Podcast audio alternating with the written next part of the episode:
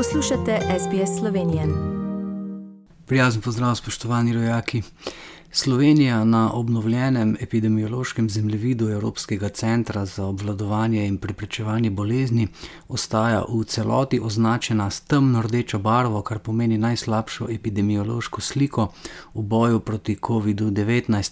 Vse bolj rdeč postaja celoten vzhodni del Evrope, medtem ko je položaj v Italiji, Franciji in Španiji precej boljši. S temno rdečo barvo so na zemljevidu označena območja, kjer 14-dnevna incidenca okužb s koronavirusom na 100 tisoč prebivalcev presega 500, pri izračunih pa upoštevajo tudi delež pozitivnih testov. Javnost v Sloveniji pa je posledično vse manj zadovoljna z oblastjo. Vrstijo se protesti, ki jih policija nadzira z vodnim topom in sovzivcem, poleg tega pa se trenutna koalicija vse bolj zapleta v čudne zgodbe. Predsednik vlade Janez Janša se odkrito norčuje iz evropskega političnega vrha.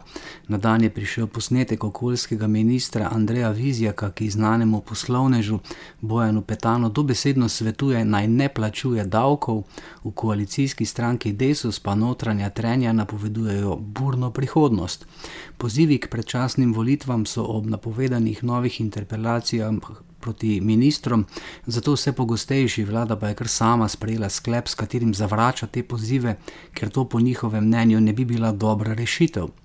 Vse več je namreč oportunističnih poslancev, ki v obstoječi koaliciji ustrajajo izključno zaradi privilegijev in bonitet, ki jim poslansko mesto prinaša, medtem ko matične stranke javno napovedujejo, da bodo iz koalicije izstopile.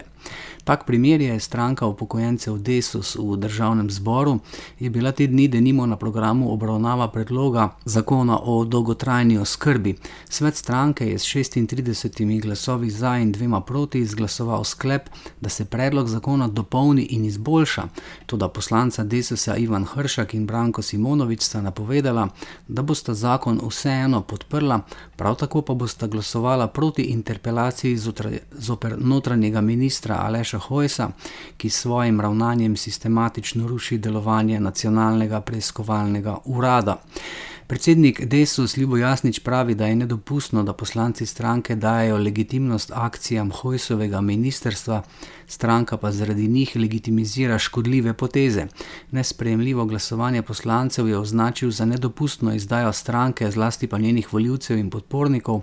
Poleg tega pa gre za izdajo slovenskih državnih interesov, posebej v evropskih okvirih.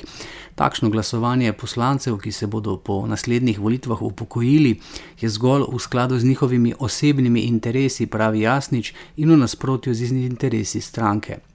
V Sloveniji je na področju ravnanja odpadkov problem že leta isti. To so kupi nepobrane komunalne odpadne embalaže, katere odvoz je državo samo lani stal okrog milijon evrov.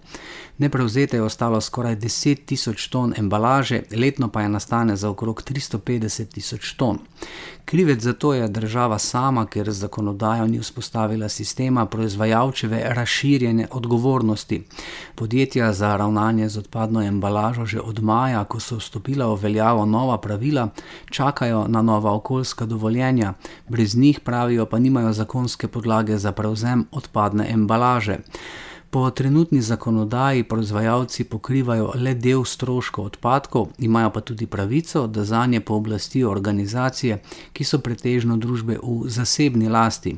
Podjetja zdaj tako neupravičeno prodajajo embalažo, z novo direktivo o odpadkih pa je ne bodo mogla več, ker je ta embalaža last proizvajalcev. Nova direktiva bo v celoti začela veljati leta 2023 in od takrat ne bo nič več tako, kot je bilo prej. Interes vseh je, pravijo poznavalci, da sistem deluje in to sistem z enim izvajalcem, saj je bistveno lažje, če za odpadke skrbi ena organizacija, kot pa če bi se moralo 62 individualnih komunalnih podjetij iz vse Slovenije pogajati s šestimi družbami za ravnanje z odpadki. To so bile novice za danes. Ostanite zdravi in vse dobro do našega naslednjega slišanja za SBS ali Šlednik. Želite slišati sorodne zgodbe? Prisluhnite jim preko Apple ali Google podcasta, preko aplikacije Spotify ali kjerkoli drugje.